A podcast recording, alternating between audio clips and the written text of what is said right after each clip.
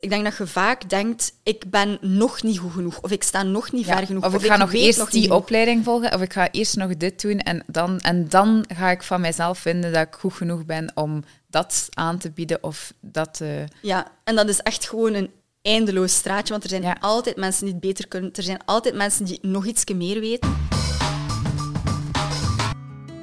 Hallo, welkom bij de Smartest Academy podcast voor ondernemers onderweg naar hun versie van succes. Ik ben Julie.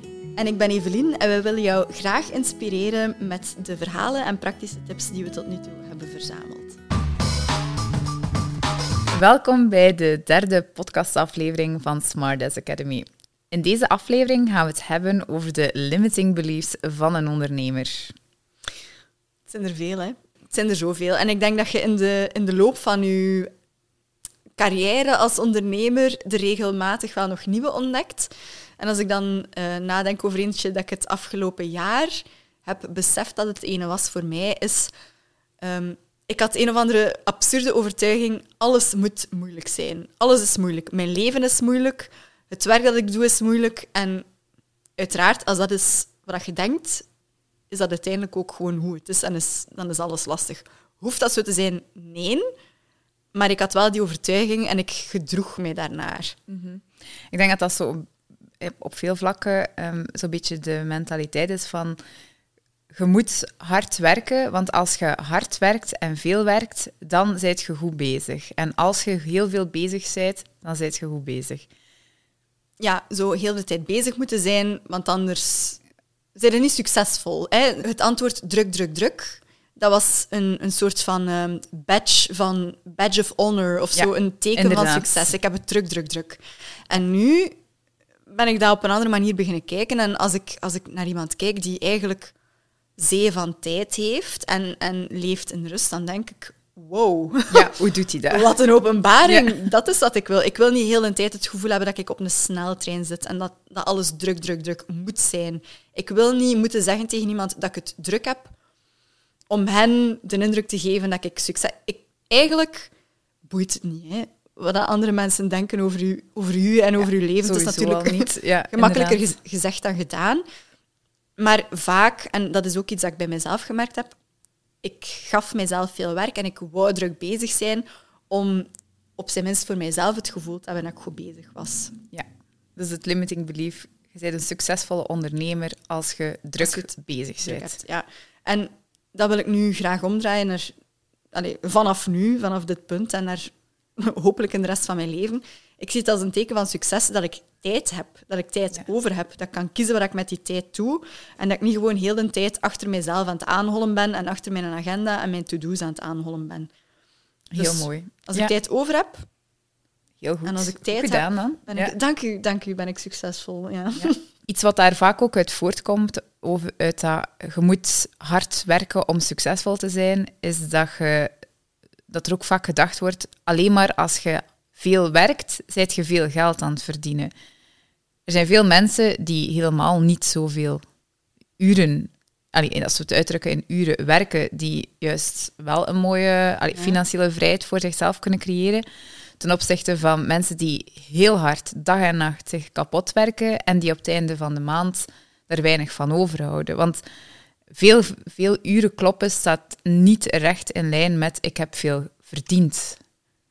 Ja, en ik denk dat er ook, ehm, om het dan nog misschien een beetje dieper te bekijken, dat er ook verschillende, verschillende vormen van rijkdom zijn. Je hebt rijkdom in de vorm van geld op je bankrekening, Ja. maar je hebt ook rijkdom in ehm, vrije tijd, in rust kunnen nemen, in op vakantie kunnen gaan, in hobby's kunnen Ja. uitoefenen, in tijd kunnen doorbrengen met je vrienden en met je familie en met de mensen die je graag ziet.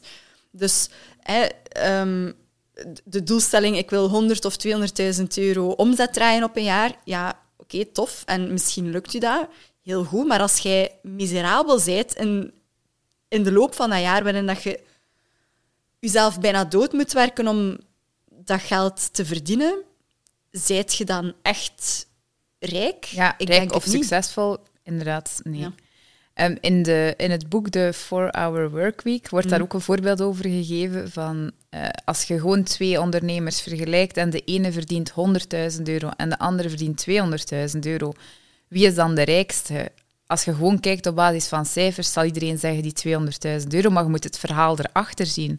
Als diegene die 200.000 euro verdient, 80 uur per week werkt, één week per, jaar vakantie neemt, of zelfs niet, en de andere persoon doet dat door 10 uur per week op zijn gemak die 100.000 euro te verdienen, wie is dan de rijkste? Wie is, wie is dan het meest succesvol? Ja, ja. En ook, ik denk dat dat is wat we vaak vergeten als we doelstellingen bepalen. Daar hebben we het ook al over gehad. Hè.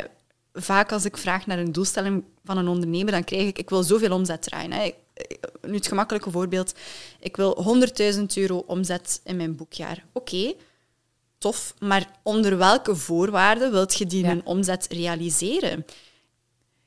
ik wil niet... Allee, ik heb al jaren gehad met heel veel omzet. Was ik in die jaren het gelukkigst? Nee. Er zijn jaren waarin dat ik dan wat minder omzet heb gedraaid, maar waarin dat ik mij veel beter heb geamuseerd en waar dat ik mij ook gewoon gezonder en, en meer in balans voelde. Ik zou elke keer opnieuw voor het laatste kiezen. Ja. um, dus het is daarom belangrijk om niet alleen te kijken naar wat voor omzet wil ik draaien, maar ook onder welke voorwaarden hoeveel weken vakantie wil ik?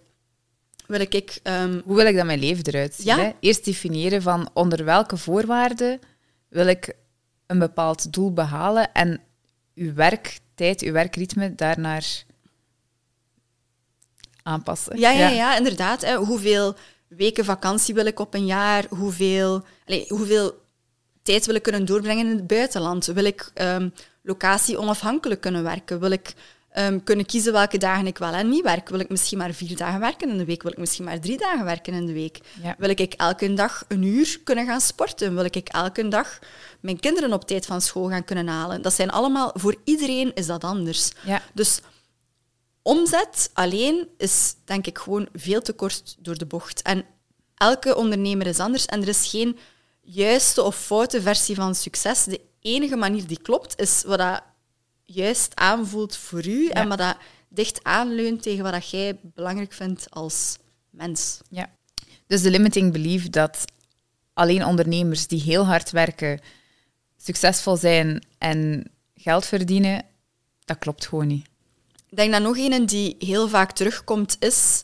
Um, ik moet iets volledig nieuws bedenken, of ik moet helemaal uniek zijn, of ik moet het warm water opnieuw uitvinden. Ja. Vaak is dat helemaal niet het geval. Het grootste deel van de informatie of van de diensten of van de producten die aangeboden worden, bestaan al. Dat is ook normaal, maar het gaat vaak ook over de ervaring die eraan gekoppeld is. Of over de persoon die... De manier waarop dat je het De manier waarop, ja.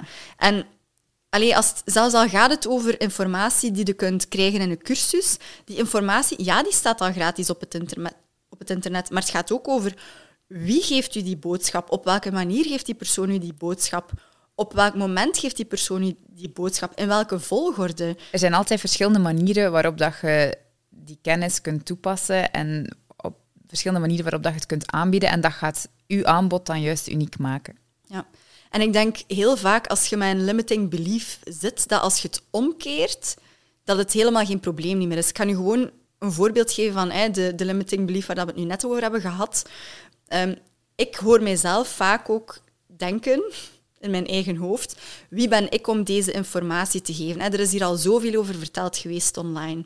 Langs de andere kant, als ik, ik kan dezelfde boodschap al honderd keer gehoord hebben van twintig verschillende mensen en de 21ste keer denk ik, ah, nu snap ik het, nu ben ik mee. Dus het gaat echt wel over ook de persoon die de boodschap brengt en de manier waarop. En je wilt dat ook mensen niet ontnemen. Dus als je het op die manier omdraait, ik had die een 21ste keer nodig. Dus voor hetzelfde geld, op het moment dat ik aan het denken ben, wie ben ik om deze boodschap te brengen, ben ik op dat moment de persoon die iemand anders nodig heeft om het voor de eerste keer echt te horen. Dus het zou zonde zijn om jezelf te laten tegenhouden door dat stemmetje in je hoofd. Ja. Dat zegt, het staat al 10.000 keer op het internet, zwijgt. Ja klopt. Dat gaat over het, het, ook breder gezien over het concept van niet goed, jezelf niet goed genoeg vinden of altijd vinden dat er iemand anders is die misschien iets meer ervaring heeft of, of al, al langer in het vak zit of dergelijke. Ik denk dat dat inderdaad ook een hele goeie is. Ik denk dat je vaak denkt, ik ben nog niet goed genoeg, of ik sta nog niet ver genoeg. Of, ik ga nog eerst die opleiding volgen, of ik ga eerst nog dit doen, en dan, en dan ga ik van mijzelf vinden dat ik goed genoeg ben om dat aan te bieden of dat... Uh... Ja, en dat is echt gewoon een eindeloos straatje, want er zijn altijd mensen die het beter kunnen. Er zijn altijd mensen die nog iets meer weten. En tegelijkertijd vind ik dat zoiets krachtig dat, dat je bij kunt leren van iemand die maar een paar stappen voor zit op u, omdat die het net hebben meegemaakt. Als ik iemand hoor vertellen die al twintig jaar onderneemt en mijlen ver verwijderd staat van waar dat ik zit op dit moment, ik voel mij daar niet... Ik voel daar geen connectie mee. Allee, soms wel, maar vaak denk ik van ja yo, dit is een uh, serieuze ver van mijn bedshow. Ik, die, die weet niet meer waar ik op dit moment doorga. Die, pijn terwijl, voelt hij niet meer. Ja. Voilà, terwijl de persoon die mijn pijn nog een maand geleden heeft gevoeld, de kans dat ik daar echt iets van ga bijleren is veel groter, omdat ik meteen ook het gevoel heb dat ik er dichterbij sta en dat die persoon mij beter begrijpt. Wat dat voor mij ook een lang een limiting belief was, was het idee van ik moet alles alleen kunnen doen. Um, ik ben ook gestart als freelance accountant, hè, alleen. En het idee van een team was voor mij iets waar ik zelfs niet, niet aan dacht. Door dan in een kantoor te stappen waar dat er sowieso al medewerkers waren en, en daarin verder te groeien, heb ik wel gezien wat dat de meerwaarde is van bij mensen te werken. Mhm sowieso al allez, sociaal gezien ook. het is natuurlijk aangenamer om gewoon um, met, met, met, mensen te kunnen overleggen en, en, en samen aan bepaalde dossiers te werken. Maar ook het, het, het feit dat je, iedereen heeft zijn sterktes en dat bepaalde zaken gewoon beter gedaan worden door iemand anders. En nu ook door um, wat, uh, wat meer ook aan het bedrijf te werken, zoals dat ze noemen. Mm merk ik ook dat, dat je in samenwerking met freelancers en, en dat, door bepaalde zaken uit te besteden, het is gewoon, je wordt sterker als bedrijf als je inziet dat er mensen zijn die in bepaalde zaken gewoon beter zijn dan u. Ja, en het, het gevoel hebben dat je het allemaal alleen moet doen, dat is een stukje ego. Want allez, ik heb heel lang uh, gedacht, en ik ik trap mezelf daar ook nog regelmatig op van, als ik het doe, dan weet ik dat het juist is. Ehm, en dan is het van een eerste keer gedaan. In plaats van in een tijd te investeren in het uit te leggen aan een stagiair of aan een, aan een medewerker of aan een freelancer. En om de tijd, je moet het dan inderdaad vaak twee keer uitleggen. Of je moet nog een keer feedback geven. Of nog een tweede keer en een derde keer feedback geven. Maar van zodra dat, dat juist zit en dat je de tijd genomen hebt om het deftig te brieven, Vanaf dan bespaart je jezelf ja. tijd. Hè? En die tijd die je jezelf bespaart, blijft alleen maar groeien. Je gaat inderdaad in de beginfase tijd moeten steken in het, ja, in het uitleggen en het opvolgen, het controleren. Mhm. Maar eh, die tijd krijg je later ruimschoots terug. Ik denk dat nog iets extra dat voortkomt uit die limiting belief van ik moet alles alleen doen, is dat je ook heel vaak de neiging hebt om alles van nul alleen uit te zoeken. En de tijd die daarin kruipt, zeker als het gaat over um, onderwerpen of, of, of ja, dingen waar dat je geen ervaring mee hebt, de tijd die daarin kruipt is bijna onmenselijk en absurd. Als je dat dan achteraf allemaal zou zien op, in een Excelletje, ik denk dat je oftewel zou wenen, oftewel heel hard zou lachen Klopt. met jezelf. Je begint als ondernemer aan je, aan uw activiteit, aan je onderneming, vanuit een passie en vanuit iets waar jij goed in bent, mm. en iets waar jij in gelooft. Maar bij het ondernemen zelf komen zoveel verschillende aspecten kijken. Um, ja, uiteraard het, het, gedeelte boekhouden, belastingen, mm. alles wat aan marketing is, verkopen. iedereen heeft wel ergens wel wat meer kaas van gegeten dan van het andere. Mm-hmm. Maar je zit nooit op alle vlakken al thuis. En dat uitzoeken, dat kost inderdaad enorm veel tijd. En tijd is ja, geld. Hè. Geld en zeer kostbaar, ja. Dus vandaar ook dat ik enorm geloof in um, mij laten bijstaan, enerzijds door een team, maar ook door op zoek te gaan naar cursussen, coaching, door um, gewoon ook communities. Allee, communities, daarmee bedoel ik, hè, um, dat is dan meer online. Maar online, ja, ja de voorbije jaren was dat meer online uiteraard. Um, door gewoon met mensen te spreken, zoals dat ik ook jullie leren kennen heb. Hè. Um, door gewoon met ondernemers te spreken en, en te merken dat je met dezelfde struggles zit, dat helpt ook enorm. En als je elkaar daarbij kunt helpen, onder andere door het aanbieden van online cursussen en dergelijke, dat versterkt ook enorm. Dus dat, die limiting belief van je moet alles alleen doen, nee, absoluut niet. Integendeel, je kunt heel veel leren van elkaar. Mhm.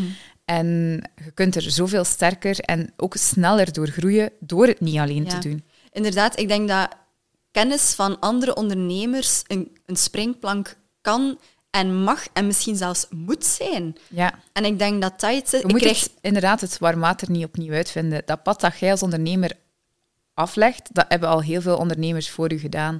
En je kunt dat pad gebruiken. het zou Zoek die dom experten zijn op. om te Ja. zeggen, ik ga, het allemaal, ik ga tegen elke muur zelf nog een keer opnieuw lopen. En ik ga Nee. dat twintig keer doen. Inderdaad. Als je het op die manier bekijkt, is dat Ja. absurd. Maar Bij mij is dat bijvoorbeeld alles wat aan marketing is. Ja, als accountant ben ik daar nu absoluut niet in thuis. Dus ik vind dat heel leuk en heel gemakkelijk dat je daar freelance, allee, dat je daar gewoon andere mensen voor kunt aanspreken, dat mensen die daar dagelijks in thuis zijn, dat zij je daarin bijstaan. Omgekeerd is dan vaak ja, uiteraard ondernemers die naar ons als accountant komen, Mhm. omdat ja, belastingen en alles wat met cijfers te maken heeft, Ja. weinig of nergens, of toch zelden eh, op voorhand eh, uitgelegd wordt. Dat is gewoon heel waardevol als je elkaar kunt ondersteunen. we hebben het nu al gehad over een paar limiting beliefs. Ik denk dat er echt honderden of zelfs duizenden zijn. En het beseffen dat die er zijn voor jezelf is al één ding. Hè. Dus als je Dat onkracht het al een deel. Hè. Gewoon het, het- het weten, het beseffen. Ja. Het zien geeft u de mogelijkheid om andere keuzes te beginnen maken. Ja. Dus ik denk als je naar jezelf kijkt dan, op zoek gaan naar wat zijn de dingen die ik zeg tegen mijzelf of die ik geloof, die mij tegenhouden om mijn dromen waar te maken, om te gaan staan waar dat ik wil staan. Wat zijn die dingen? Allee, let een keer op wat je zegt tegen jezelf in de loop van de dag. Op het moment dat je iets uitstelt of dat je beslist om iets niet te doen, waarom is dat? Wat heb je net tegen jezelf gezegd in je eigen hoofd dat je jezelf een beetje in het zak zet? Probeer daar een keer op te letten, registreer dat, schrijf dat op en denk dan na op welke manier kan ik dit vervangen met iets Dat lijkt mij zeker waardevol. dat mij die Definiëren. controle teruggeeft. Dus eigenlijk gewoon je limiting belief ontkrachten door hem op te schrijven en voor jezelf terug een nieuwe overtuiging aan te nemen. Ik denk dat limiting beliefs grotendeels een, ja, eigenlijk deel uitmaken van het ondernemen. Dat is oké, dat is ook normaal. En je kunt daar doorgroeien. Je kunt andere keuzes beginnen maken. Het is gewoon een kwestie van er naar durven kijken en het vervangen door iets positiefs voor jezelf. Ehm, ik denk dat Inderdaad. dat is wat we hopen Dat is inderdaad. hiermee te bereiken. Dus wij hebben nu een paar voorbeelden gegeven van waar dat wij mee zitten. De kans is groot dat je misschien herkend hebt in een van die dingen. Het kan ook heel goed zijn dat je nog met verschillende andere dingen zit. Ehm, maar hou jezelf niet, niet klein. Dat is nergens voor nodig. Goed gezegd, Evelien. Dank u. Dus dit waren enkele van de limiting beliefs waar wij de voorbije jaren mee gestruggeld hebben. Ehm, we zijn zeer benieuwd naar deze van jullie. Laat het ons zeker weten en we zien jullie graag terug bij onze volgende podcast.